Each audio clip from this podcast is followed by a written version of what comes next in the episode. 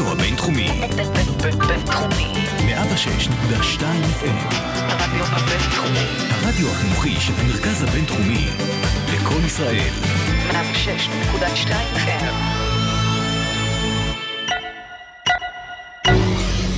הייטק בפקקים.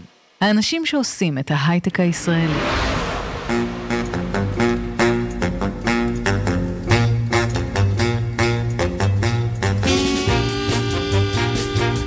בוקר טוב, יום חמישי, 26 בדצמבר 2019, אנחנו הייטק בפקקים.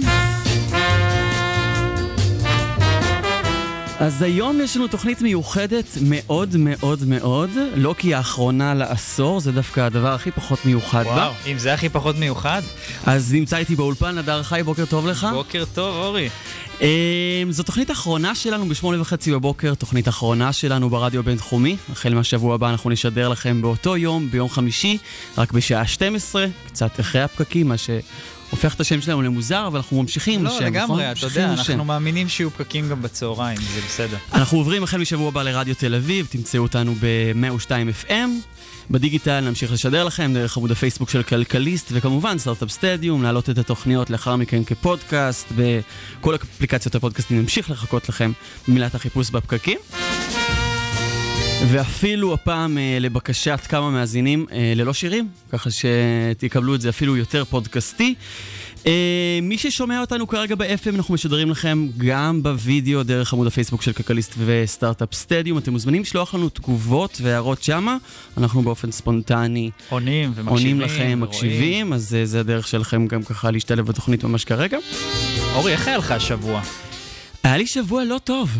אני אח... יום אחרי התוכנית uh, של שבוע שעבר uh, נפלתי למשכב עם 39 מעלות ושפעת, שלא הרגה אותי בניגוד לכותרות. וואה. וחשבתי, היי, אין תרופה לשפעת, אה, לקח לי חמש שניות בגוגל אה, וידע כללי להבין את זה, ואמרתי, אולי מצב רוח טוב ושמחה, זה הדרך, אולי ככה אני... ואז דיברת איתי, לא סתם, ופתאום נהיית שמח. נכון, הייתי שמח ושרתי כל הזמן הזה, ואמרתי זה מה שירפא אותי, ואני גם אעשה על זה פודקאסט, אני אקליט את כל התהליך. וואה, אז יאללה, אני מחכה לפודקאסט. אז כמובן שלא עשיתי את זה וסתם הייתי חולה, וזה נמשך שישה ימים נוראים של 39 מעלות, וזוגתי, אבל שעשתה ימים ולילות וטיפלה בי מאוד יפה. אה, אבל יש לנו תוכנית עכשיו של הייטק בפקקים, אה, ואנחנו הולכים לדבר על עיתונות. עיתונות, עיתונות בהייטק. בהייטק. אנחנו רואים את ענקי הטכנולוגיה הולכים ומתחזקים, וזה אומר שהסיקור שלהם הופך להיות יותר ויותר חשוב.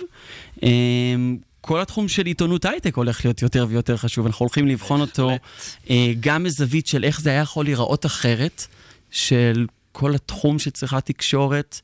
זה בעצם סין, אני מדבר על סין, על מין מציאות אחרת, איך הייתה יכולה להתגלגל, וגם על חברת גט מדיה, שלוקחת את הנושא של פרסום, פרסום בעיתונות הכתובה ועושה לו uh, דיגיטציה. אז אנחנו מדברים פה בתוכנית על השחקנים הלא מדיניים שמגיעים למשאים ומתנים מסוימים מול מדינות בעמדה של כוח. המצב הזה הופך את הדיווח העיתונאי בנושאי טק ליותר ויותר חשוב. האם עיתונות ההייטק בנויה למעבר הזה? האם עיתונות ההייטק um, יכולה לסקר נושאים של um, גופים פרטיים שלא בהכרח הם חייבים לדווח משהו. אנחנו עם אגר רבת, רבת? רבת. רבת, אה, עיתונית כלכליסט בשלוש וחצי שנים האחרונות, עיתונית, אה, עיתונאית הייטק. האם אה, גופים עיתונאיים בארץ יכולים לדווח אה, על עיתונות הייטק בצורה עמוקה? אה, אז אה, קודם כל אני מקווה שכן, ואני מקווה שזה מה שאנחנו אנחנו. עושים. אה, אז כן, אפשר לדווח על, על הייטק ב- בצורה קצת יותר מקיפה ו- ומעניינת. נכון, יש, יש אתגר. כמו שאמרת, חברות ההייטק הן לא חברות ציבוריות. קרנות ההון סיכון הן לא קרנות ציבוריות. כן. הכל... כל ה- בטח הרבה פעמים המידע לא תמיד מדויק. אה, קשה שוב, אני- להבין אני מה מניחה המידע. שהמידע ב- בדוחות שהם מוסרים הלאה למ- למשקיעים שלהם קצת יותר מדויק כן. מאשר המידע שהם אה, מוסרים לנו בעל פה. אה, אבל יש, כן, כמו שאמרת, חברות ההייטק נשארות אה, פרטיות לזמן ארוך יותר. כן. זאת אומרת, אם לפני כמה שנים אה, הכסף היה, אה, היה מאתגר יותר לחפש אה, השקעות, ולכן היו פונים להנפקה או לאקזיט בשלב מוקדם יותר, אז היום יש, אה, הכסף זול, כמו שאומרים, הן נשארות פרטיות להרבה מאוד זמן, ואנחנו נתקל, נתקלים באמת בענקיות כמו אובר, כמו WeWork, שכבר מגיעות לבורסה, אם הן מגיעות, Airbnb למשל, אם הן מגיעות, זה כבר בשלב שהן חברות של עשרות מיליארדי דולרים. כן. אז באמת חברות שמונפקות בבורסאות, אה, בבורסות אפשר לעקוב אחריהן, הן נכון. מחויבות. ב- ב- בדיווחים כל רבעונים ודיווחים יותר מקיפים כל שנה ומחויבות בתשקיף. אמ, אבל אנחנו מדברים באמת אה, על קרנות הון סיכון, ששם אנחנו אפילו לא יודעים כמה אה, רווח הן עושות בסוף כל שנה. אז איך אה, כעיתונאית את יכולה להביא נתונים טובים מגופים שבסופו של דבר האינטרס שלהם זה להישאר חשאיים? אז תראו, בהרבה מאוד מקרים הנתונים שלנו הם נתונים שהם בדיעבד, ולא כן. ממש ב- בזמן אמת. עכשיו, גם צריך, אה, הסטטיסטיקה היא סטטיסטיקה מאוד מאוד ברורה בתחום ההייטק. הסטטיסטיקה היא של אה, בסביבות ה-10% הצלחה ל- לקרן הון סיכון ממוצעת. אה, זה נורא תלוי, יש הקרנות, קרנות שלבים מוקדמים, יש להם אפילו פחות. אחוז זה מספר. עשרה אחוז, זה מספר מאוד מאוד קטן. לכן ממש. קוראים לזה הון סיכון. בואו בוא נודה על כן, האמת. ו- ושמו את זה מסוכן. ו- וצריך נכון. להגיד, יש איזה bias קצת מכל הנושא הזה. לגמרי יש כי- bias, כי, כי ההצלחות הן ההצלחות הצלחות בולטות. מאוד בולטות. שוב, כל הפייסבוקים, כל החברות האלה של הזה. ובוא נודה על האמת, גם אנחנו בתקשורת אה, קצת תורמים ל bias הזה. יש במיוחד אצלנו ב, בארץ, יש מאוד האדרה של התחום הזה של ההייטק. כן. האקזיטים זה משהו שמאוד מאוד זה סקסי נורא לספר עליו. מושך, זה כמו... זה, זה קצת תופס גם את רוב הכותרות בעיניי. אני חושב שהרבה נכון. דברים אה, כאילו מתגמדים לעומת הידיעה הגדולה על הסטארט-אפ שנמכר עכשיו בעשרה מיליארד אה, דולר. נכון. כמה, כמה מוביל אני אנשים נורא אוהבים, אה, זה נורא אוהבים לחשב את הזה, כן. וברוב המקרים זה חבר'ה צעירים. תשמע, אתה כאילו, אני, אני יושבת עם, אה, מדברת עם, אה, עם יזמים, ופתאום אני אומרת לעצמי, וואלה, החבר'ה האלה צעירים, אני בשלוש שנים, כרגע מכרו חברה ב-700 מיליון דולר. כן, והם עדיין שומרים על, ה, על הסוודר שלהם, אה, שנראה כאילו. משחקים אקסבוקס כל היום.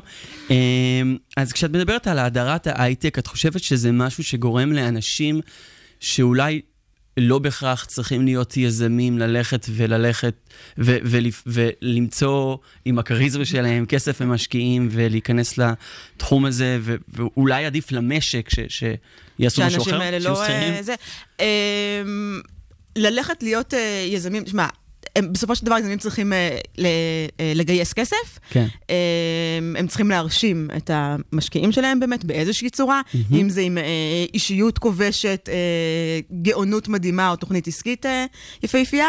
אז חלק ניכר מהם לא, לא יגייסו. אין ספק שכמו שאמרתי, היום הכסף זול, אז הרבה יותר אנשים uh, מגייסים. אבל שוב, תקחו בחשבון שחברה עושה סבב סיד, שנה, שנה וחצי אחרי זה היא צריכה לעשות סבב A, חצי מהחברות כבר לא יגיעו לסבב A. כן. שנה וחצי, שנתיים אחרי זה הן צריכות לעשות סבב B, חצי מהחברות כבר לא יגיעו לסבב B. זאת אומרת, החברות שאנחנו רואים, אה, יש כאן, הנפילות הן בדרך כלל בשלבים המוקדמים, לכן זה גם קצת פחות מופיע בתקשורת, כי קצת פחות מעניין אותך שחברה שגייסה חמישה מיליון דולר, בחיים לא שמעת עליהם, היה להם משרד ב-WeWork עם חמישה אנשים, נכשלה כרגע ונסגרה. זה בדרך כלל באמת לא יופיע בתקשורת. עכשיו, מאיפה אתם מקבלים את רוב המידע שלכם? מיחסי ציבור, מדברים, את- מתחקירים מעמיקים? זה נורא קשה לעשות כל פעם תחקיר מעמיק על חברת הייטק שלא תמיד רוצה גם לשתף את המידע. נכון. וגם לא בהכרח יש את. הזמן, יש דדליינים וצריך ל- נכון. להביא כמות מסוימת של תוכן. אז את הדברים הטובים, כמו שאנחנו יודעים, כולם רוצים לשתף. אה, את האקזיטים ואת ה... זה, אחרי שהם אה, נסגרו ו- ורואים כבר בחשבון בנק את הכסף, אז כולם נורא שמחים לשתף את האקזיט. במיוחד אם זה ייצר אה, תשואות יפות- למשק- למשקיעים. אה, את הדברים הרעים פחות רוצים לשתף. חלק מהם מגיעים לבתי משפט, ואז אנחנו נפגשים בהם שם. אה, וחלק מהם, תשמעו, ואז גם אנחנו- יש מידע ואפשר לדווח עליו, זה יותר טוב. נכון, נכון. כן. אמ, so far לא היו המון כישלונות גדולים בהייטק הישראלי. לא היה לנו Theranos ולא היה לנו WeWork. אני חושבת שחשבתי לפני התוכנית על באמת מה הכישלון הגדול של ההייטק הישראלי, ו Better Place הוא אחד הכישלונות הגדולות נכון. של ההייטק הישראלי, ו Better Place הוא, הוא כישר, כישלון במרכאות כפולות ומכופלות, כי Better Place בנה כאן תעשייה. נכון, הוא הביא לקדמת אז נכון. המודעות את הנושא של רכבים חשמליים, ובסוף זה כן. יקרה, הרי זה ברור. ולגמרי לא מדובר במייסד שניסה לרמות מישהו מהמשקיעים שלו, אין כאן את הדברים האלה. באמת כן. אין כאן טראנוס. טראנוס, רק לא ה- נזכיר את זה. הסיפור, זה החברת אה, תרופות שמכרה בדיקות דם שהתיימרו לגלות... כן, בד- בדרך טיפה אחת ל- לעשות משהו כמו 200 אה, בדיקות דם. ויזמית שגייסה 4 מיליארד דולר, אה, יותר. אני יודע על מה אתה מדבר. גייסה כן. מיליארדים, כן. ואז תחקיר של, אם אני לא טועה, Wall Street Journal חשף שמשהו שם... אה, Wall Street Journal. שבעצם הם הוציאו את הבדיקות האלה למעבדות חיצוניות, כל הדברים האלה, לא היה להם שום פטנטים משלהם, זה הוביל לחקירת FBI. אה, לדעתי החברה עדיין קיימת באיזשהו פורמט מסוים, אבל היא תחת חקירה פלילית. אז מה התפקיד. שזה באמת אה, fraud. כן, זה כן. לגמרי fraud. מה התפקיד בעינייך של עיתונאות הייטק? אנחנו גם רוצים ללמוד, אנחנו בכל זאת... אה, זה אחת הסיבות שאנחנו מנהלים את הרעיון הזה. מביאים אותה בשביל... אה, כן. אז ב- במקרה של הייטק. חלק מהתפקיד, בגלל שכמו שאמרתם, זה הכל אה, פרטי והכל בטבלאות אקסל שלא נחשפות לציבור, אה, זה קצת להסביר את התעשייה הזאת ולהנגיש את התעשייה הזאת לציבור. אה, לפעמים זה קצת לתקוע בלון בכל מיני דברים, אה, וזה גם אה, לדבר על, ה- על המורכבות של התעשייה הזאת. זאת אומרת, הייטק זה לא אה, באתי, ראיתי, גייסתי, מכרתי. זה לא, זה לא מה שקורה בהייטק. כן. יש uh, הרבה דברים בעייתיים בהייטק. יש לנו אה, uh, 7% נשים uh, מנכ"ליות בהייטק. כן. יש כל מיני דברים שצריך לעורר עליהם תשומת ועוד לב. אוכלוסיות שלא לוקחות מספיק לגמרי, חלק, כמו כן. ערבים, חרדים. נכון? אה, שהם פחות אפילו שווה מ-7%, נכון? אז אתם כן. רואים את זה בתור המשימה שלכם בעצם, או שאתם פחות מתייחסים לזה ביום-יום, שבסוף צריך, בסוף נכון. צריך להביא הרי את, ה, את הטראפיק, את הקליקים. הרבה פעמים האנשים שאולי חצי מתעניינים בהייטק ועדיין הדברים כמו אקזיטים כן יעניינו אותם. אז השאלה איפה אתם אה, שמים את עצמכם בסיפור הזה. אה, אז אנחנו גם וגם. כאילו, אתה צריך, קודם כל, אתה צריך, אה, במיוחד באקלים האקלים המדיה הנוכחי, אתה קודם כל צריך לדווח על החדשות. אתה לא יכול ישר להביא את הפרשנות לחדשות, כי אז כן. אתה עושה איזשהו צעד שבו... אני לא אתחיל להיכנס לפייק ניוז ולמהי אמת ולזה, אבל אתה קודם כל צריך להביא את הדיווח, מה קרה בעולם, ואז אתה יכול לצאת אליו תילי תילים של פרשנויות. וזה עיקר העבודה כנראה. וזה שהוא די מוכתב מהמציאות. ב- ב- ברמת המסה, זה עיקר העבודה, כן? כן. אה, ברמת המה מעניין אותנו, על מה אנחנו יושבים, מה אנחנו משקיעים את מירב זמננו, זה בדרך כלל בכתבות יותר מורכבות, וברעיונות באמת, ובניסיונות אה, אה, לדווח על הדברים היותר מעניינים, שלא יוצאים באמת ב-PRים. ואיך מתמודדים באמת עם מבול הפניות, אנחנו חווים את זה בתוכנית, אנחנו מקבלים המון פניות מיח"צ, וגם נגיד כ-50 שאנחנו... בשבוע. באמת, עד כן. כדי כך. ונגיד שאנחנו גם נעזרים בהם, לפעמים יש תכנים מעולים שמגיעים דרך נכון. יח"צ, ואין שום בעיה לקחת נכון. תוכן שמגיע מיח"צ. כן. אבל איך כן מתמודדים איתו? יותר חשדניים לנתונים? יותר חשדניים נתונים, צריך אה, אה, הרבה סבלנות. אה, אבל כן, לגמרי יותר חשדניים. מן הסתם, יש, אתה מפתח מערכות יחסים גם עם יחצנים, אתה יודע שיש אנשים שאפשר לסמוך לסמוך, עליהם יותר ולסמוך עליהם טובים, פחות, נכון. כן. לגמרי. אה, וגם לסמוך על זה שהם, כשהם הוציאו את ההודעה, הם עשו איזו בדיקה ראשונית למידע. צריכים לעבוד על זה, להביא לך את התוכן, להנגיש לך אותו בצורה מעניינת. נכון. אה, אבל אני מדברת גם על הודעות PRים שהן די בסיסיות. זאת אומרת, הודעות אה, גיוס, יש ימים שאנחנו מפרסמים בין 10 ל-15 גיוסים, שזה וואו. דברים מטורפים. כן. יש ימים ש... שניים, אבל יש ימים שאנחנו מקבלים אה, עשר הודעות גיוס, ואנחנו צר- צריכים לעבור עליהם ולזה. אה, אז אתה כבר מפתח איזשהו אף לדבר הזה, ואתה כבר יודע, אתה קורא את ההודעה ממש ברפרוף, ואתה כבר יודע איפה יש לך את הטאקלים, ואתה כבר אה, זה.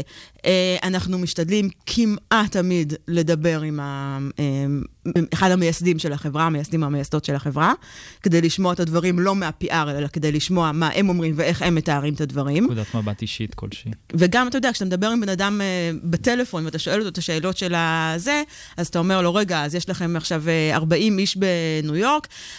לא, יהיו לנו 40 איש בניו יורק, כרגע יש לנו 20.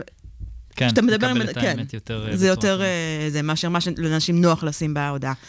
אה, אבל כן, זאת אומרת, אם פעם, אם לפני חמש שנים, אה, הייתה כאן צריך ל- ל- לגדול אה, למשרדים של 150 איש בשביל לקחת חברת יח"צ. היום, בשנייה שחתמת, סיימת לחתום עם המשקיע שלך על הסבב הראשון, כבר לקחת גם חברת יח"צ. תגידו, אתם מודדים את הנושא של אה, כמה עניין מביא, כל אייטם, כמה הדבר, כאילו אתם אה, מת- מתפתחים הדבר הזה ואז מבינים גם, יש לכם איזה תובנות מעניינות למה מעניין באמת את הקהל? אה, קודם כל, יש אנשים במערכת שתפקידם, נכון. כן. יש. אנשים במערכת אתה שתפקידם הרי יודע שמודדים. אתה מנסה להמשיך הלאה, כן. אה, אני מנסה לא, לא להישאב לעניין הרייטינג. אה, אני גם חושבת שיש יש כתבות... יש לזה חשיבות, בסוף אתם גוף כלכלי. ברור גם. שיש לזה חשיבות, נכון. אתה- ומה- אתה גם רוצה שיקראו אותך, זאת אומרת, כן. עבדת על כתבה אתה ארבעה ימים. אתה רוצה לעניין. אתה רוצה שיקראו אותה, נכון. ומה להרגשתך לא מקבל מספיק traffic למרות שהוא מהותי? אה, זה לא עניין של מספיק traffic או לא מספיק traffic, זה, זה לפעמים גם עניין של, אה, אה, נגיד שוב, כל מיני כתבות על שילוב נשים ואוכלוסיות אה, בתת ייצוג ב- בהייטק. שיש אנשים, ותראו את זה בטוקבקים, שקוראים את זה בשביל אה, להתעצבן. קוראים בשביל להגיד יש לך... אנשים שבאים כבר עצבניים. נכון, כן. כאילו, אה, אני עבדתי בהייטק, כולם שם היו נשים, אף אחד לא היה זה, אני לא יודע מה את מדברת. כן. טוב, זה כבר מתחבר לזה שאנשים הרבה פעמים צורכים תקשורת בשביל לאשש את התפיסת נכון, עולם נכון. שלהם ולא בשביל לאתגר אותה. האם יש איזושהי תמה שאת רואה של ההייטק מציל את העולם, משהו שמוכרים אותו דרך היח"צ, או שזה כבר עובר מהעולם, ומה שדיברת עליו, על האדרת ההייטק, כבר אנשים אומרים, אוקיי, הייטק זה תעשייה, המטרה היא להשיג כסף, אמ, ולא בהכרח להציל את העולם. אה, היו לנו אז- אז- מספיק בלונים מתפוצצים אולי. קודם כל, המטרה היא, כל חברה שהמטרה שלה היא, היא לעשות כסף, להציל את העולם יכול להיות אה, רק מטרה משנית. נכון. זה, לא, זה בהכרח לא יהיה המטרה הראשונה של חברות אה, הייטק. אה, אני כאן אימפקט וכבר עולם נכון, כן. נכון. אה, אני בטוחה שיש יזמים שנורא רוצים לעשות אה, טוב בעולם, אבל בסופו של דבר, רוב תעשיית ההייטק הישראלי. תסתכלו גם על החברות הגדולות והיפות שיש לנו כאן, אה, ואני לא מזלזלת בכלל, מדובר באנשים מוכשרים שעשו דברים מדהימים, אבל הם אה, לא רובם תעשייה שאני קוראת לה תעשייה שהיא תומכת לחימה. הם מייצרים אה, תוכנות ל enterprise, זה מה שהם מייצרים. כן. הם לא, אף אחד כאן לא ניסה עדיין לבנות את הפייסבוק הבא, אף אחד לא ניסה להקים את האפל הבא. אז בהקשר, לרעה? בהקשר הזה, החלום הישראלי הוא לעשות אקזיט. בהבדלה, בהבדלה מהחלום האמריקאי, שהוא לפתוח עסק משפחתי ושימשיך להתקיים, להוריש אותו לילדים.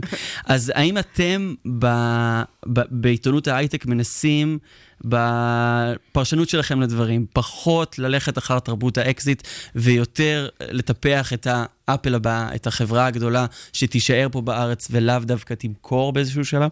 תראו, אקזיט זה, זה הצלחה. אנחנו לא, לא נגיד כאן. שאקזיט זה לא הצלחה, אבל אקזיט היא הצלחה מסוג מסוים. Uh, אני חושבת, וכתבתי את זה כמה פעמים, שהגיע הזמן uh, לבדוק אם אקזיט יהיה- זה המדד היחיד להצלחה, אם אין עוד מדדים להצלחה. כי בסופו של דבר תסתכלו על חברה שעושה אקזיט. חברה שעושה אקזיט uh, ייצרה הרבה, הרבה, הרבה מאוד כסף לכמה עשרות אנשים. מהמם. מיליונים, עשרות מיליונים, לפעמים גם מאות מיליונים לכמה עשרות אנשים. אמ, ייצרה די הרבה כסף לכמה עובדים בכירים בחברה שיש להם אה, עכשיו אקוויטי שהם יכולים לפ- צריך כסף לפדות. בשביל המדינה? אה, ייצרה כסף מסוים ממיסים. שוב, את המיסים הם משלמים המייסדים ועובדי החברה. המשקיעים, הכסף שלהם הוא כסף זר ברובו. אמ, אז כן, אז אבל היא ייצרה הרבה מאוד כסף בסופו של דבר ל-100-150 איש. לעומת זאת, חברה שמעסיקה היום אלף איש ומשלמת להם uh, משכורות והיא יציבה והיא, ומשלמת uh, דיבידנדים ונותנת באמת, יכולה לתת equity לעובדים על בסיס קבוע uh, ועושה secondary, זה לא הצלחה? זה גם זה הצלחה. גם הצלחה, אני חושב שזה הצלחה וזה הצלחה, זה נכון. שני דברים אה, מאוד מבורכים ש- שיקרו. זה- אבל בגלל שאנחנו שואפים לאקזיט, אז אה, אולי הדבר השני פחות קורה. אה, תראי, אני חושב שגם אקזיט, גם, אני חושב שזה מאוד תלוי גם במטרות ובאותו זמן, ויש יש כל כך הרבה שיקולים, לפעמים אתה, אין מה לעשות, אתה מגיע למצב שבו, לא, לא יודע, לצורך העניין, אה, מסתכל על מובילאיי, הם מכרו בטיימינג מעולה. שהרכב האוטונומי היה בדיוק אה, כל ההייפ סביבו היה. ו- כן, אבל אגב, מובילאיי, עשה מובילאי נהדר מכרו כשהם. היו מונפקים בבורסה בחו"ל. הכסף, נכון, ה- האקזיט הגדול, השני שלהם, הכסף שהוא אה, החזיר חזרה ל- למדינה, הוא כסף מאוד מאוד קטן. לעובדים שעוד עדיין החזיקו equity בשלב הזה ולא פדו אותו ב- ב-IPO הראשוני, אני מניחה שכן, שיש להם עדיין, שיש להם אה, סכומים יפים. ממשיכים אבל להעסיק כן. בארץ וכו'. נכון, נכון. טוב, אז uh, אנחנו נקווה שנראה עוד חברות שממשיכות פה בארץ ומנפיקות בבורסה ולא עושות uh, אקזיט גדול וממשיכות את התעשייה המקומית ושתפרח ושתגדל ושתעשה כסף לכולנו. הגר רבט, uh, עיתונאית uh, הייטק של כלכליסט, תודה רבה לך שהגעת איתנו לאולפן בגשם הגשום מאוד שהיה לנו אני בבוקר. שמחה שאתם מעריכים את זה, זה. באמת היה... זה- תודה רבה. הרגשתי שאני מקריבה.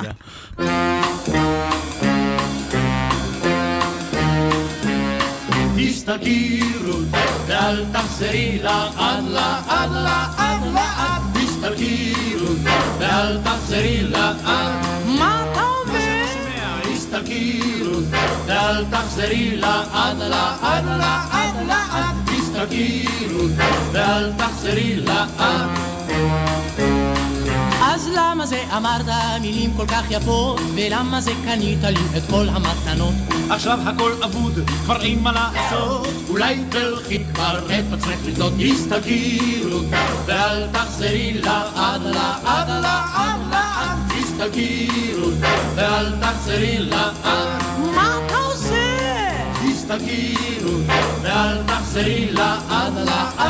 נגיד גם שבימים אלו מתרחשת תחרות גיק טיים לבחירת הפודקאסט הטוב ביותר לשנת 2019. הזדמנות טובה להגיד אתה תודה. מחשיב אותנו כפודקאסט, או מה אתה מחשיב אז אותנו? אנחנו השבוע האחרון שאנחנו אנחנו פודקאסט ואני רוצה לזכות על? זה בפרס. אה, שבוע, ש- אתה- שנה שעברה, אה, בזכות כל, בזכותכם בעצם, אה, מהרבה הצבעות שקיבלנו, זכינו להיות פודקאסט ההייטק הטוב ביותר לשנת 2018. אנחנו נבקש שתעשו גוגל, אה, גיק טיים, תחרות הפודקאסט הטוב ביותר. אנחנו שמה בקטגוריית ההייטק, מאוד נשמח אם אתם עוקבים אחרינו ונהנים מהתכנים, אה, שתיכנסו לשם ותבחרו בנו. אנחנו ממשיכים עם... חדשות השבוע. ושקד דמבו, שלום רב. שלום, שלום, מה העניינים? מעולה, אה, מה קרה השבוע בהייטק? אז אה, טוב, בוא נקפוץ ישר לדברים הרעים. למדת ממה שאמרו לך לעשות אה, כחדשות הייטק, לדווח כמו שצריך? הקשבתי לכל מילה, כן, יש לנו עוד הרבה על מה לדבר offline. על מה לעבוד. כן. אז uh, באיחוד האמירויות, uh, באוקטובר אני זוכר שפורסם שבאיחוד האמירויות יש איזושהי uh, חברה שנקראת Dark Matter, שהיא של uh, יוצאי 8200, והיא מציעה משכורות ענק ליוצאי 8200 כדי לעבוד, לעבוד איתה. ואז התחילו ל- לחקור את, את מה בדיוק העיסוק שלה. היא טענה שכל העיסוק שלה הוא סייבר הגנתי והיא לא מתעסקת עם תקיפה. Uh, זו מדינה שאין לנו איזה שהם הסדרים פוליטיים איתה יותר מדי, ותחשבו על זה שיוצאי 8200 זה חבר'ה שיש להם ידע ב- בצבא הישראלי. כן. זה לא אנחנו מובן מאליו. אוטומטית סקפטיים לחברות. ידע אסטרטגי. ש- אה, בדיוק. כן. וקוראים לה דארק מטר, כאילו. יותר מזה? נכון. בדיוק, היא לא נראית לי אה, תורמת לסביבה, בוא למה נגיד. אתה מלכלך? למה אתה מלכלך? אולי כן. כן, אוקיי, בכל מקרה, אז uh, זה מה שקרה באוקטובר, ועכשיו uh, פורסם עוד, הניו יורק טיים חושף עוד דברים על, אותה חברה, הם הוציאו אפליקציה בשם טוטוק, שהיא מקום ראשון בחנות האפליקציות באיחוד האמירויות להורדות. Uh, היא אחד המקומות הראשונים בטופ 10 שם בכל uh, ה- הגזרה של, ה, של המדינות הערביות, מצרים, סוריה, לבנון, כל אלה, היא נמצאת שם ממש בטופ. אוקיי. והאפליקציה הזאת היא כביכול נראית כמו איזשהו סוג של מסנג'ר, וואטסאפ, משהו שאנחנו מכירים, אבל, uh, אבל- מאחורי הקלעים כן. אין לה end-to-end encryption, מה שאומר שבעצם המידע שאתה מעלה, שאתה מעלה אליה, שזה לוקיישן, תמונות, אה, טקסט, כל דבר שאתה מעלה לאפליקציה, נשמר בשרתים מאחורה, והוא קריא לגמרי לכל מי שרוצה בחברה. מה שאגב אי אפשר להגיד על המטרה. וואטסאפ, אי אפשר להגיד את זה על כי וואטסאפ. יש להם end-to-end encryption. end-to-end encryption, כן. בדיוק. הוא מגיע אוקיי. מוצפן חזרה לשרתים. אז מה שאתה אומר זה שלחברה הזאת יש נתון, יש בעצם אפשרות? בדיוק, והחברה הזאת, אה, תבינו, מה שאנחנו רואים פה זה לא איזה ספקולציה לגבי, אה, אנחנו חושבים שהם משתמשים במידע, זה חברה שיצרה את האפליקציה בשביל זה. היא יצרה את האפליקציה כסוג של סוס טרויאני לכל הטלפונים של ה... של העולם הערבי. של העולם הערבי, והיא עכשיו ממש שולטת בזה ביד רמה. הם עובדים עם סוכנות הביון של, ה... של איחוד האמירויות. תשמע, יש פה בעיניי שאלה פוליטית מזעזעת של כאילו, א- א- איך אנחנו, שאלנו את זה כמה פעמים כבר, איך אנחנו שמים את ההגדרה למה נחשב נשק שזה מגיע לסייבר. אתה מבין? כי זה נשק, זה מכירת נשק, מה שקורה פה זה הרבה יותר נשק מאקדח או רובה. כן. אז. ה- הידע הזה של, של אה, יוצאי 8200 שהם באים לשם לאיחוד האמירויות. יש עם זה הרבה שאלות אה, בהקשרים האלה. שמע, חייבים ל- ל- להתחיל לתקוף את הדבר הזה, זה לא, זה לא עסק, יש, אנחנו אה, מפזרים פה חיילים. דיברנו בעבר על זה, על פורום שהולך, שבודק את הנושא הזה של חברות שבעצם אה, לא משתמשות בנכסים אה, אסטרטגיים, גם מבחינת ידע של, אה, של המדינה, ובסוף אה, משהו שיכול אחרי זה להגיע נגדנו. אה, אני חושב שיש תיאום עם ארה"ב בנושא הזה, שלא יגיעו דברים ל- לסין שאנחנו לא רוצים שיגיעו ו- וכולי. וגם, אני חושב. חושב שגם אנחנו צריכים לתפוס איזושהי אג'נדה בהקשר הזה, ואולי אה, להתחיל לקרוא לחברות האלה חברות נשק? זה, זה נשמע לי זה קצת באמת- קיצוני, אבל זה- עכשיו שזה יצא לי מהפה, אבל הנה, אנחנו מסכימים על זה. כן, זה סוג של חברת נשק שאתה חושב על זה, כי היום אנחנו כבר מכירים ברעיון שמידע ו- ו- ואיסוף מידע וריגול על ידי אנשים, טוב, ריגול זה נחשב סוג של, סוג של שימוש בנשק בעצם, כאילו טכנולוגיות ריגול זה טכנולוגיות אה, אה, כאלה, זה ריגול לכל דבר. אני, אני, לא רואה, אני לא רואה את ההבדל פה. אה, אנחנו צריכים להתחיל לתקוף את זה בקטע רע. אוקיי, אה, חדשות. נוספות. יש לנו את, אה, את הבנקים בלמו את סופטבנק, אה, היה חילוץ ל-WeWork, שאתם יודעים את כל הסיפור עם WeWork, היא לא יורדת מהכותרות באמת אחרי ה-IPO שלא באמת קרה, וה, והמניה הם רצו צנחה. להנפיק, ואז זה בדיוק. התגלה שבעצם הנתונים הכספיים שלהם לא כל כך טובים, והמודל הכלכלי שלהם כנראה לא מספיק טוב בשביל להחזיר את הכסף למשקיעים בפרק זמן שהוא לא ב-200 שנה בדיוק, הקרובות. וגם היה ניפוח מאוד משמעותי של, ה, של, של, של שווי השוק של החברה, כן. ומפה לשם אה, דברים לא קרו, ו-WeWork ממש ממש בנתה על איזשהו גלגל הצלה. שהוא אה, המון המון כסף מסופטבנק שתיתן לה, היא בעצם רוצה להקפיץ את הנתח שלה ל-80% בחברה ולהזרים אה, ב, ב, ב, בשלבים 9.5 מיליארד דולר. שזה היה אמור להיות מה שהולך להחזיק את WeWork לאחר הנפילה הנוראית הזאת. בקיצור, זה לא קורה. אה, כן. אה, אז מה, יש סיכוי שווירוק תקרוס? הבנקים, תבין מי, מי, מי בלם את זה. הבנקים שבעצם סופטבנק משתמשת בהם, הבנקים שמהם היא לוקחת את ההלוואה, בלמו אותה, הם אמרו לא היו. מוכנים? בדיוק, הם אמרו שכרגע, כאילו, הטענה הרשמית היא שכרגע הם הגיעו למגבלה שלהם ללווה פרטי. ובגלל שהם הגיעו למגבלה ללווה פרטי, הם צריכים לחכות בינתיים. כנראה עד שנה הבאה, אני לא חושב שזה באמת ייקח המון המון זמן, אבל זה בעייתי. אבל uh, הם uh, ציינו גם אותם בנקים שהקשר עם WeWork הוא קשר ביניהם לא כל כך אמין. וואו. אנשים מתחילים לאבד אמון ב-WeWork, אני לא, לא יודע בדיוק מה יקרה עם זה. כן. אתה יודע, סופטבנק מחזיקה את, אה, את מירב ה... יהיה מעניין לראות אם החברה. יצליחו להזרים אליהם חמצן ולהרים את החברה חזרה, כי סך הכל זאת חברה ש... בוא, יש לה עדיין אה, הרבה מאוד מקומות, משרדים, הם בנו פה תעשייה, בכל זאת גם... אה, בוא, הקמתי על הצד המפרגן, שמת לב, אורי? כן, כי- כי. אני ביקורתי, זה הכל אה, איזונים ובלמים.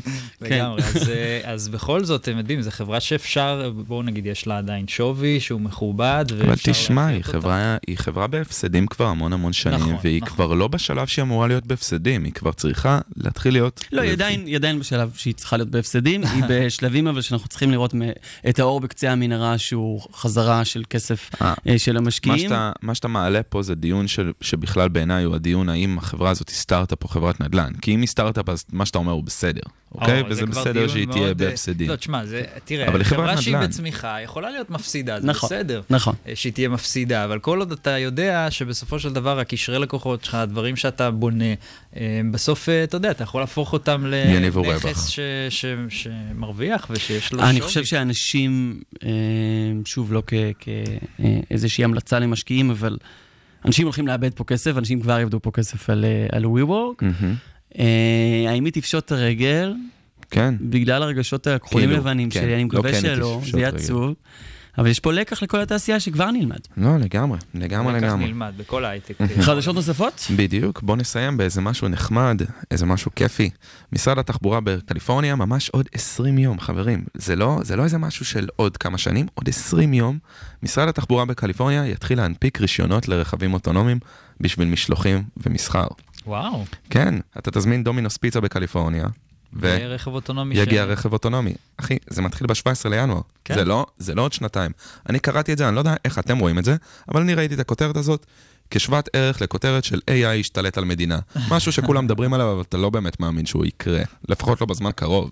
כן, זה מדהים. אני חושב שזה... אני- אני גם מאוד מחבב את הממשל הקליפורני שקובע תוכניות אה, ל-20 תתחיל. יום לפני כן, ולא כמו הרכבת הקלה, כן, כן. שהייתה אמורה... אה, לא, הרכבת בין ירושלים לתל אביב, שהייתה אמורה להסתיים בר- בתכנונים הראשונים לפני 11 שנה. 11 לפני שנה. 11 שנה. כן. כן, אין שום משמעות בישראל באמת ל- לתאריכי. דו דייט האלה. כן, אנחנו אנחנו- מתישהו נעשה את זה. בוא, תזרוק מספר. וזה יעלה איקס. כן, 3.19. יאללה, כן. שיהיה. טוב, אחרי הבחירות יהיה בסדר. אני חולה על האופטימיות שלך. טוב, שקד כן. דמבו, חדשות השבוע האופטימיות, תודה רבה.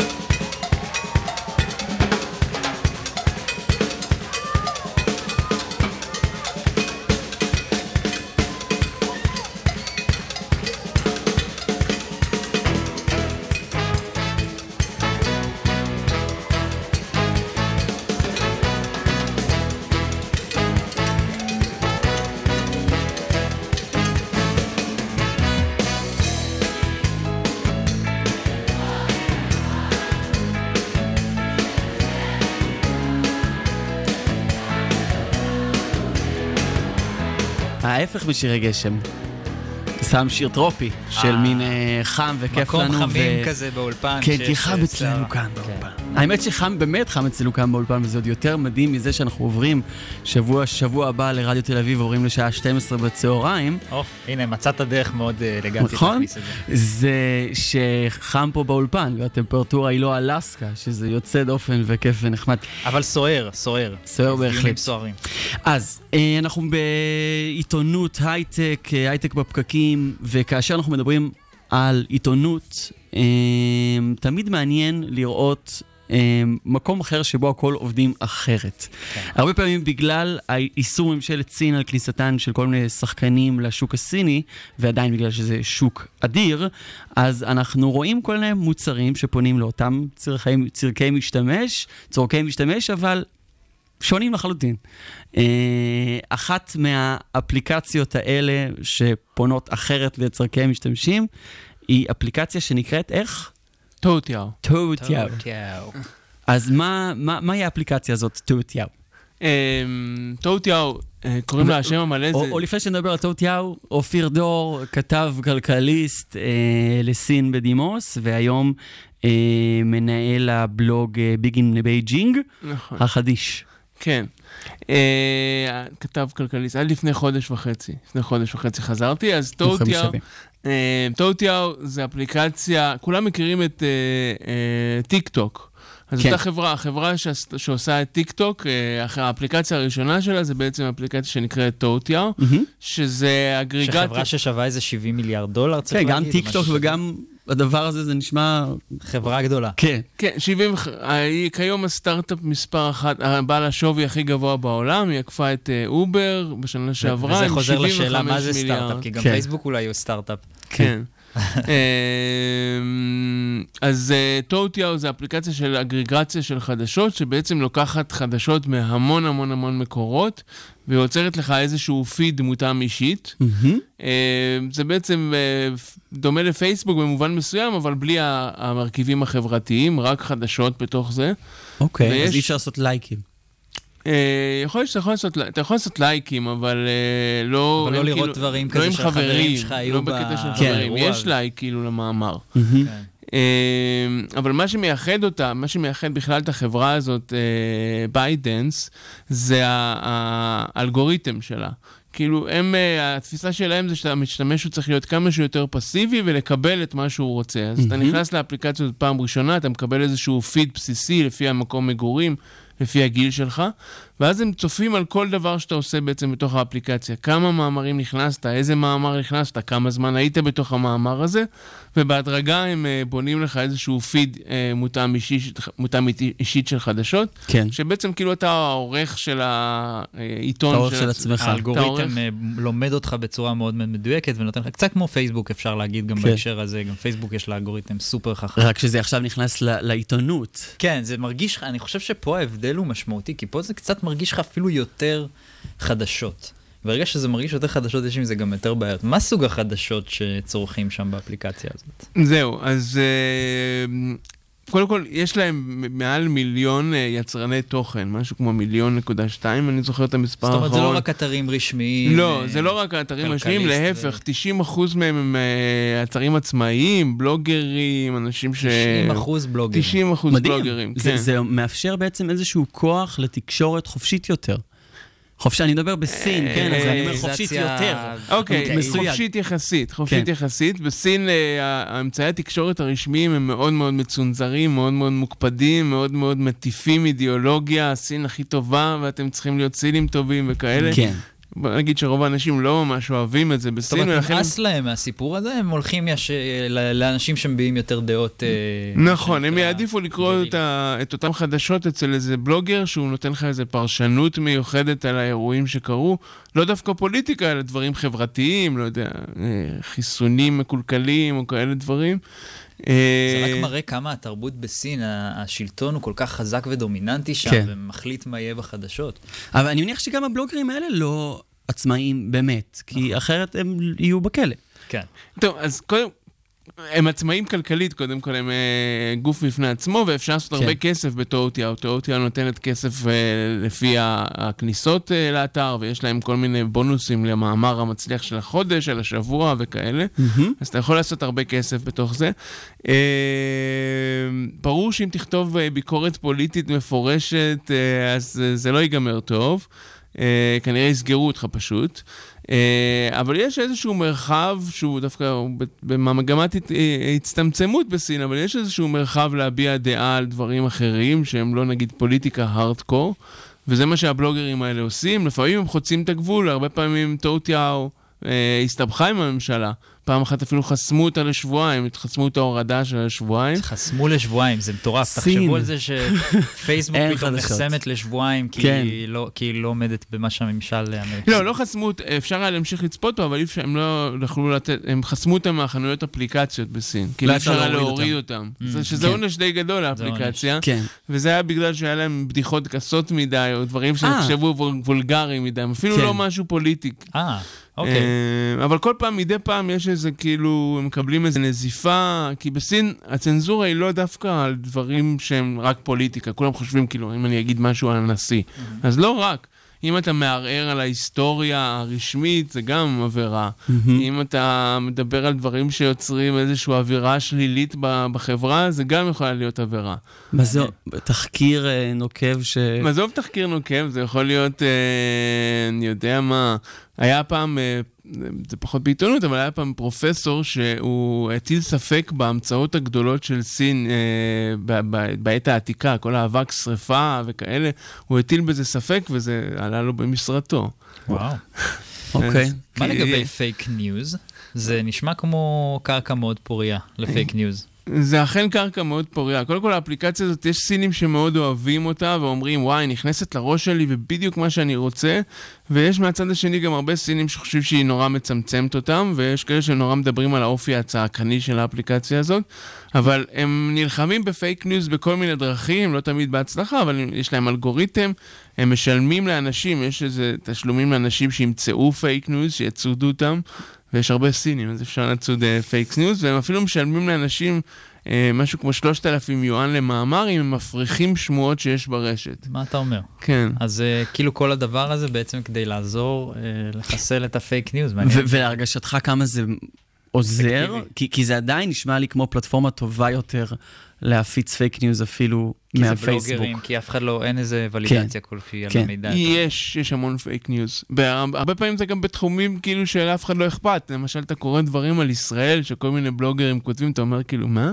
זה כאילו, יהודים קוראים מלא ספרים, וכל יהודי קורא 40 ספרים בשנה, או משהו כזה, ואתה כאילו אומר, מה, מאיפה הוא הביא את זה? אולי הוא היה באיזה ביקור בישראל ואיזה מדריך טיולים אמר לו. אז זה גם איזשהו פייק ניוז, אבל אה, כן, פייק ניוז קיימים ב- בכמויות, אבל זה המחיר גם של כאילו תקשורת, שהתקשורת הממוסדת היא כל כך אה, מקובעת, שכאילו אף אחד לא רוצה לראות אותה דווקא. זה כן. פוגע בתקשורת הרשמית הממוסדת, הדברים האלה? אה, או שהם הם- אה, משתפים אותם בהכנסות וכל מיני, כאילו, האם זה תראה, עוזר להם או לא? הם קודם כל כולם, רובם מסתמכים על תקציבים מהממשלה, שזה יתרון גדול מבחינה, הם כאילו כמו כאן כזה, כמו כן. התאגיד, אז אה, בסדר, אז הרייטינג שלהם יורד, לא אז זה לא להם. כזה נורא. וכן, ולחלקם יש מונופול זאת אומרת, על, על משהו, אז כאילו, גם יותר קל להם. מעניין, אתה חושב שיש, דרך אגב, יכול לעבוד לדעתך בישראל או בארצות הברית אה, הנושא הזה? אז- מין, אה, מין פיד כזה, זה נשמע לי אני לא מבין למה זה עוד לא קרה. כן, זה נשמע לי כמו זה משהו בעיקר, שהוא... אני לא מבין למה זה עוד לא קרה. למה אני נכנס לוויינט וואלה וזה, תן לי את הכל... וזה מראה לי דברים שלא מעניין אותי. כן. כן, תן לי הכל בצורה מאוד... אה, 2020, מותאמת. איך זה יכול להיות שזה לא מותאם אישית? 2020. תכיר אותי, אני נכנס אליך כל יום.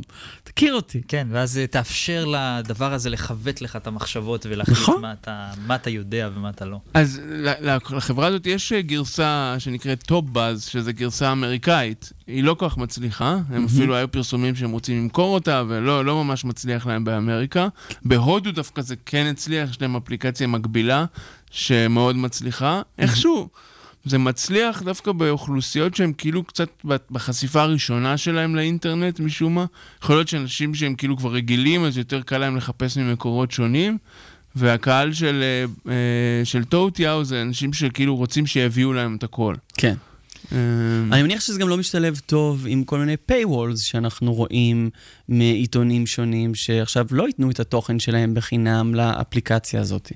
נכון, נכון, נכון. האמת שגם הם עשו כבר paywall על חלק מהתוכן בשביל להרוויח עוד כסף, כן. אבל אה, כן. מה, מה שאני אוהב בזה, שזה אמור להציג לך את צריכת התוכן האמיתית שלך. כי אם תיכנס אליי לאפליקציה, אתה תראה וול סטריט ג'רנל, אתה תראה דה מרקר, ואתה תראה אוי. איזה איכותי אתה. ותגיד לי, אוי, איזה איכותי אתה, ואני רק, תר... רק ארצה שתגיד לי, אוי, איזה איכותי אתה. כשלמעשה אני. אני מלא בפנאי פלוס. מלא. אה, אז אתה לא תראה, אתה לא תראה דה מרקר. אבל אז אני אראה בפיד שלי אה, גם את הדברים שאני צורך באמת, ולא מה שאני מתיימר לצרוך. אתה יודע, זה כאילו משהו כזה שפתאום אתה אומר, אוקיי, אז עכשיו העיתון הוא כבר לא העיתון של כולם, הוא פתאום עיתון מותאם אישית לכל אחד, שזה די, באמת, זה די דומה לרשת החברתית. אבל יש פה איזה הבדל משמעותי, שפה אתה אומר, אוקיי, זה חדשות. זה אני הולך ואני קורא חדשות עכשיו, וזה הצריכת חדשות שלי, אני כבר לא הולך ל-ynet ואני לא הולך כן. לוואלה ואני לא הולך לאתרים הרגילים של החדשות, אלא זה החדשות. אתם וג- מבינים? אז יש פה משהו שהוא כאילו קצת מפחיד בקטע של... התפיסה שלך עוד יותר הופכת להיות מאוד, אה, מאוד בועתית. אקו צ'יימברית כזאת, כאילו, אתה רק שומע את אתה זעקתך. שומע רק מה שאתה כן. מאמין ומה שאתה יודע, וזה כמו שקורה היום עם כל ה... אני, ובלי להביע עמדה פוליטית ימין ושמאל, אז אה, ימין מאמין במה שהימין מאמין, וקורא את מה שהוא- שהשמאל מאמין. כן. אז פה זה עוד יותר, זה בכלל כל החדשות שאתה צורך, אין לך אפילו שום פתח אוויר אה, אפילו קטן לחדשות. כן, יש הרבה סינים שמתלוננים על זה, שהם לפעמים רוצים שייתנו להם משהו אחר, לא כל הזמן עד מה שהם ביקשו רק. אה, אבל ההבדל הגדול מפייסבוק, שזה הבדל ענק לדעתי, זה שאתה לא צריך לעשות share או follow לשום דבר. כאילו, זה מביא לך את זה כן, אה, אוטומטית. על כאילו, פי ההיכרות כן. עם ה- עם הצרכים של המשתמש. כן. טוב, אה, אופיר דור, כתב כלכליסט בסין לשעבר וכותב הבלוג Big in Beijing. תודה רבה. תודה רבה, ביי ביי.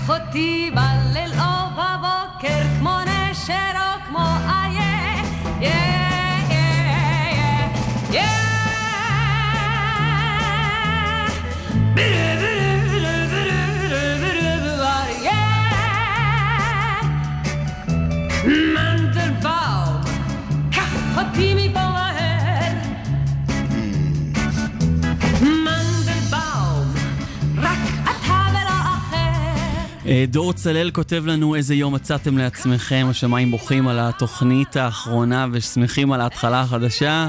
תודה רבה, תודה רבה. ותודה רבה למאזינים שמאזינים לנו. אנחנו מזכירים שבימים אלו מתנהלת תחרות אה, גיק טיים לבחירת אה, הפודקאסט המוצלח ביותר לשנת 2019. נשמח אם תכתבו בגיק טיים ותדרגו אותנו שמה. וכמובן אנחנו מזכירים אה, את המעבר מהחל משבוע הבא לשעה 12 בצהריים לרדיו תל אביב. ואנחנו ממשיכים לדבר על uh, עיתונות ותקשורת. Uh, נמצא איתנו uh, חיים קליגר, מנכ"ל גט מדיה, שלום, בוקר טוב לך. בוקר טוב לכם, בוקר טוב לצופים בבית, Uh, ואלה שבפקקים. ואלה שבפקקים, ואלה. שבגשמים. עם, עם הגשם, כן.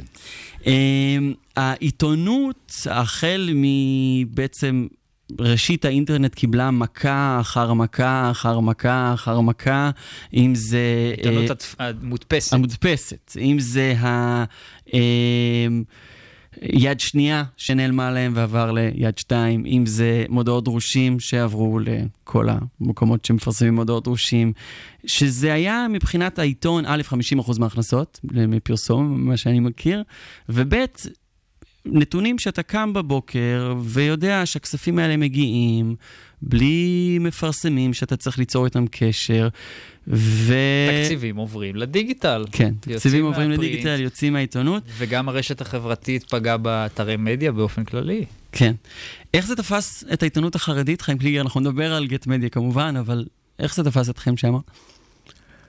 אה, העיתונות החרדית, באופי שלה, ב-DNA שלה, אה, עובדת קצת שונה מבחינת המפרסמים. אה, הציבור החרדי בעיקרון, בגדול, רובו אה, צורך מדיה מודפסת. איך אמרנו פעם, אה, אני הייתי סמנכ"ל שיווק בעיתון המבשר, או המבשר, אנחנו קוראים לו המבשר. שזה אחד מהשלושה עיתונים הגדולים שלושת שלנו. היומנים במגזר החרדי, שהייתה כן. לי את הזכות להיות uh, סמנכ"ל השיווק שלו קרוב לשמונה שנים, מיום uh, הורתו, עוד לפני לידתו. איך זה עובד אז? Uh, בגדול, המדיה החרדית uh, היום כן יודעת לגעת uh, גם בדיגיטל, אבל uh, אחת הפגישות שישבנו פעם, ניסינו להסביר מה זה מדיה חרדית, מה זה עיתונות חרדית, אז אמרנו שגם אם נגיד uh, אתרי האינטרנט החרדים נתפסו, בשבת, ששם בעצם מנוקז רוב הפרסום, אף אחד לא ייכנס לדיגיטל. כן. זאת אומרת, האדם החרדי בשבת בכל מקרה צורך תקשורת מודפסת, שזה, כן. העיתונות, שזה העיתונות החרדית. ורוב התקציב, תקציבי הפרסום מופנים לעיתוני סוף השבוע. ככה שגם אם הדיגיטל תופס, הוא תופס באמצע השבוע, בסוף השבוע אין לו מקום בכלל. זאת אומרת, בעיתונות הוא- החרדית בעצם הפרינט הוא הרבה יותר אה, רלוונטי. הפרינט הרבה יותר משמעותי. בוא נגיד, אין קמפיין במ- במגזר החרדי אה, שלא עובר טוב אה, וחזק אפילו במדיה המודפסת.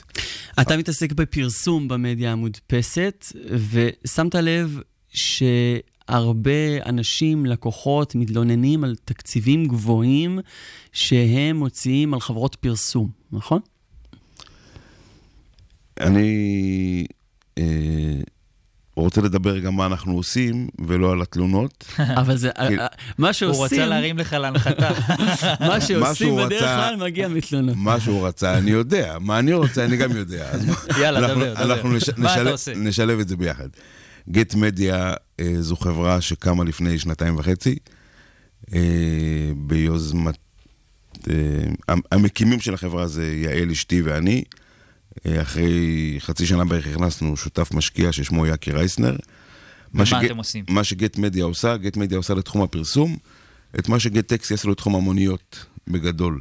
תסביר. אם ניקח אה, את גט, אה, את, את תחום המוניות לפני, לפני עידן גט טקסי, תהליך הזמנת מונית היה בנוי משלוש חוליות. הנוסע, הנהג, באמצע ישבה תחנת המוניות שקישרה ביניהם. שאומרת חמש דקות, לא משנה כמה זמן זה ייקח. נכון, ואתה שומע את הטורו-טורו של המכשיר קשר. כן. באו גט טקסי ואמרו, הנוסע והנהג מספיק אינטליגנטים, הוא נותן להם לתקשר ישירות אחד מול- השני. ואז נכנס הנהג לפלטפורמה של גט טקסי, נרשם ואומר איזה רכב יש לו, כמה נוסעים הוא יכול לקחת, ואפילו הוא מספר איזה קבוצת כדורגל הוא אוהד. והנוסע נכנס מהצד השני ונרשם, ובעצם פה הוא מתחיל להזמין את המונית דרך המערכת, הוא יודע בדיוק איזה רכב הולך להגיע, איך קוראים לנהג, באיזה שעה הוא יגיע, כמה זמן זה ייקח, ובעצם הוא גם יודע לדבר איתו על... על אז ה- רגע, אז אז הנהג זה בעצם ה... אה, הנהג? והנוסע הם בעצם המדיה והמפרסם. באמצע, אוקיי. בתחום הפרסום, באמצע יושב משרד הפרסום. בשונה מתחנת המוניות, שיש לה תפקיד אחד רק לקשר ולתווך בין הנהג לבין הנוסע, למשרדי הפרסום יש שני תפקידים, שני כובעים. כובע אחד זה נושא של ניהול ורכש המדיה, וכובע שני זה מקצועי יותר, שזה בעצם קריאיטיב, סטודיו, planning והעולמות האלה. איך זה נראה היום, התהליך הזה? התהליך היום נראה אה, פחות או יותר אה, עובד, שבעצם אה, הלקוח פונה למשרד הפרסום, אומר, אני רוצה לעלות בקמפיין אה, לחנוכה נגיד, אה, משרד הפרסום מתכנן לו את הקמפיין, מביא את הקריאיטיב, מעצב את המודעה, ובעצם עושה עבור הלקוח את כל העבודה. אה, כשכולנו יודעים שחלק מהשיקולים שמשרד הפרסום לוקח בחשבון, זה השיקולים של הכדאיות שלו. לא תמיד לגמרי אה, כדאיות של הלקוח. אם אנחנו כרגע נמצאים בסוף שנה, אז אה, מי שמכיר קצת את תחום הפרסום יודע שלמשרדי הפרסום יש יעדים לאן הם צריכים להגיע מול המדיה, ואם הוא לא הגיע לעשרה מיליון שקלים, הוא צריך עוד דחיפה קטנה כדי להגיע, בשביל לקבל את הבונוסים של סוף שנה שלו, אז הוא ידחוף את הלקוח למקום הזה יותר, כי זה יותר כדאי לו. לא בדיוק האם האינטרס של המפרסם לפרסם במדיה הספציפית הזאת, אה, לא, לא תמיד זה מה שמוביל אותו, ואני לא מערער פה חלילה על המקצועיות של משרדי הפרסום, אבל כולנו מונעים ממניעים אידיאולוגיים שקוראים להם כסף. ואני מניח גם ש... אה, אה, חברות פרסום מעדיפות לעבוד עם, עם חב- לקוחות גדולים, גדולים יותר, ושיהיה להם פחות אה, מעניין לעבוד עם אה, מתנס בבאר טוביה והקמפיין הפרסומי שלו. אין ספק שה... ה- שמשרדי הפרסום יעדיפו את קוקה קולה, את תנובה ואת שטראוס, מאשר את אפילו רשת קפה קפה, לא צריך להגיע למתנס באור יהודה. מהמם. אה, ואין ספק שמה שגט מדיה עושה, אנחנו בעצם אה, נותנים כוח ללקוחות הקטנים והבינוניים, בדיוק כמו הכוח שיש ללקוחות הגדולים מול המדיה מצד אחד. מצד שני אנחנו מורידים במרכאות למדיה את הפניות שמגיעות ישירות אליהם מלקוחות קטנים ובינוניים, שבעצם זה גורמות... בעצם מערכת דיגיטלית שעושה את ה... זאת מערכת דיגיטלית, שפעם אחת המדיה נכנסת ונרשמת בתוך, המד... בתוך המערכת ומספרת מי קהל היעד שלה, למי היא פונה, מה התפוצה שלה, באיזה ימים בשבוע היא יוצאת, אם היא פונה לגברים, לנשים, לילדים, למבוגרים, נותנת איזשהו DNA של, ה... של המדיה. מצד שני נכנס המפרסם ואומר, אני אה, מפרסם בתחום הנדל"ן או בתחום ההייטק או בתחום, בכל תחום שאני רוצה. ומאותו רגע המערכת מאפשרת לך כמפרסם וכמדיה לתקשר ישירות אחד מול השני, שאנחנו לא צריכים מתווכים. אני בעצם ישבתי במשרד, יש לי את הסטודיו שלי שעובד, בניתי קמפיין, אני מחליט שאני רוצה לפרסם אה, במקומונים או בעיתונות ארצית. או בכל... בעצם, אבל אתה הופך להיות המתווך, כאילו יש... אני לא המתווך, אני הפלטפורמה. אני בעצם מחזיק את המערכת באוויר, התקשורת היא ישירה מול המדיה. זאת אומרת, אתה כמפרסם נכנסת ועשית הזמנה, לא גט מדיה מקבל את ההזמנה, אלא ידיעות אחרונות מקבל את ההזמנה. אוקיי. יושבת בחורה בידיעות אחרונות שהיא מקבלת את ההזמנות מגט מדיה, פותחת את ההזמנה שהיא קיבלה במערכת, אין וואטסאפ, אין אה, אס.אם.אסים, אין אה, מיילים שנשלחים בדרך וכן קיבלתי, לא קיבלתי, הקובץ כן טוב, לא טוב. יש לנו מה שנקרא סרגל ניהול בתוך המערכת, שאתה רואה בכל רגע נתון איפה אתה נמצא בתהליך, שהוא בעצם חמישה שלבים, שליחת הזמנה, אישור ההזמנה על ידי המדיה, לשלוח את הקובץ דרך המערכת, למחרת הפרסום אתה מקבל סריקה של המודעה בתוך המערכת עצמה, שילמת בכרטיס אשראי, חשבונית, יש צ'אט שפתוח אונליין בין המפרסם לבין המדיה תוך כדי תהליך. שזה חשוב יכול- לראות היסטוריה של... אתה יכול אה, להתכתב עם, ה- עם, עם מישהו שיושב מולך במדיה ולסכם על עמוד 7 או עמוד 9, לא משנה איפה זה בעצם שסיכמת. מקל מאוד את כל התהליך של ההתקשרות בינך לבין, המפ... כן. ולבין המדיה. ולמה למה גופי המדיה, מה האינטרס שלהם בעצם לעבוד איתכם? אמ, האינטרס הראשון במעלה, וככה נגיד אותו בעדינות, על כל שקל שהמדיה היום מוכרת את המוצרים שלה, היא מקבלת בערך 70 אגורות. מישהו בדרך גוזר בסביבות ה-30 אחוז. וכמה אתם גוזרים? גט מדיה אנחנו לא גוזרים. אתם לא גוזרים? אז, אנ- אז מה המודל העסקי? אנחנו לא גוזרים, אנחנו מקבלים. אנ- אנחנו אה, עובדים, המודל העסקי של גט מדיה הוא 7% עמלה, 7% עמלה מתוך טוב, זה העסקה, משמעותי פחות. כן. הרבה יותר, הרבה משמעותי פחות. התשלום שאנחנו מקבלים הוא מהמדיה, לא מהמפרסם.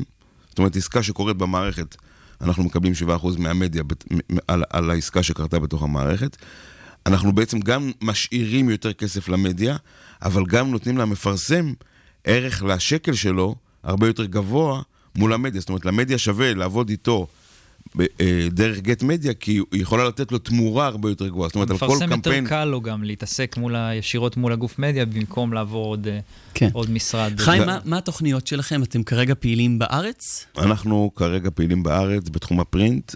אה, יש לנו שני יעדים ל-2020. היעד הראשון זה להרחיב את הפעילות שלנו לרדיו, שלטי חוצות, ואז להגיע לדיגיטל. זאת אומרת, אנחנו רוצים בסוף להיות אה, פלטפורמה שהמפרסם פועל בתוכה עם כל המדיות הק- הקיימות הרלוונטיות, והיעד הנוסף שלנו זה ברבעון הראשון של 2020, לצאת לשוק האמריקאי, שהתחלנו לעשות את הצעדים הראשונים לקראת uh, הת- התהליך הזה. Uh, אני מקווה ובטוח בעזרת השם שנעמוד ביעדים האלה ונצליח. עד היום עשינו את זה מצוין, אני מקווה שגם נמשיך ככה. נאחל לכם הצלחה. בהצלחה, נאחל שוק יעיל יותר וזול יותר, אני חושב שזה יכול להיות טוב לכולם. תודה, תודה. חיים קליגר, מנכ"ל גט מדיה. ואם אנחנו בימי החנוכה, כן. אז אפשר ככה איזו מילה קטנה שחשבתי... ממש בעשר אנחנו שניות. קצרים לקראת סוף סיום. בעשר שניות. כן.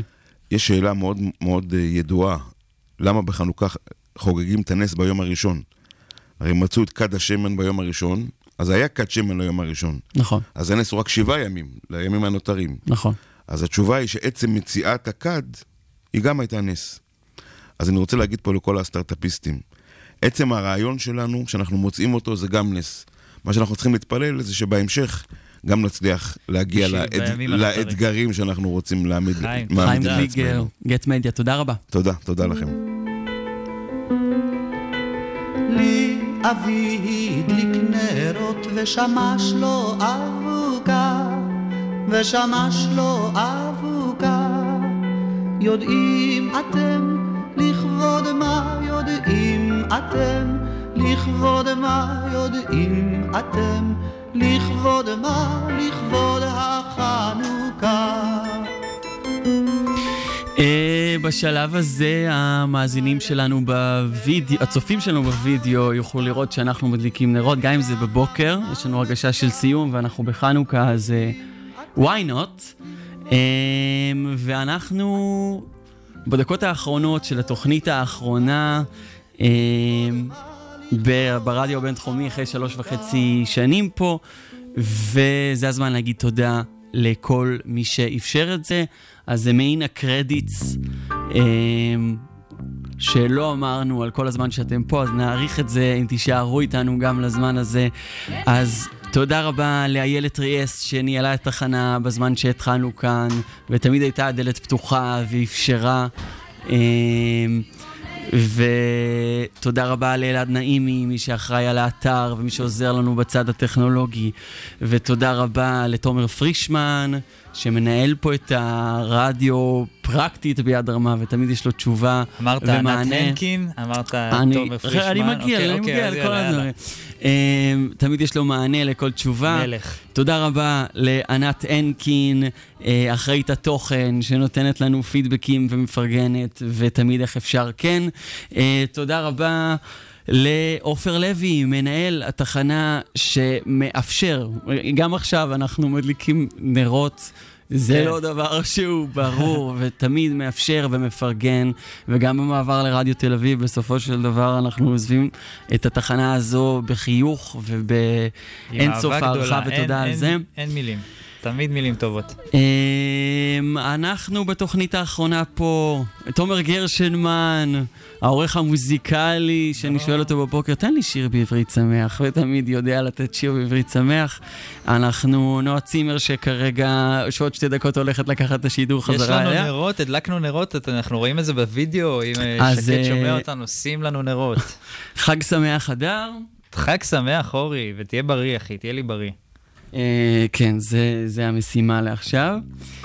אה, מגיעים לסיומנו. הנה, רואים את הנרות בווידאו, מי ששומע אותנו בווידאו. מי אה, שרואה אותנו בווידאו. אז נגיד רק על השידור הזה, הדר חי, תודה רבה על הובלת השידור איתי. תודה, תודה אני. אורי טולדנו, מאחורי הקלעים היום, קרין רביב על ההפקה וה control, שקד דמבו. מנצח על. הווידאו. מנצח על הווידאו, לא פחות. אה, ושמת לנו גם שיר נכון, אה, נכון. ייחודי לחנוכה. נירית כהן אה, ואלמוג בן יוסף החדשה שהצטרפה אלינו, הפקה וניהול קהילה. אמרנו, רגע, תודה, תודה לכולם, תודה גם לכל. מי שלקח חלק בדרך שלנו, אנחנו כבר צריכים להודות לכולם. טוב, אז יזהר שי ונתן לייבזון, ואורטל הבר, והגר כוכבי, וניצן גל, ומי עוד לא הזכרתי? והקאליקים המדהימים, קאליקים, ברור. סיון קלר ורועי קאליק, או רועי קליק.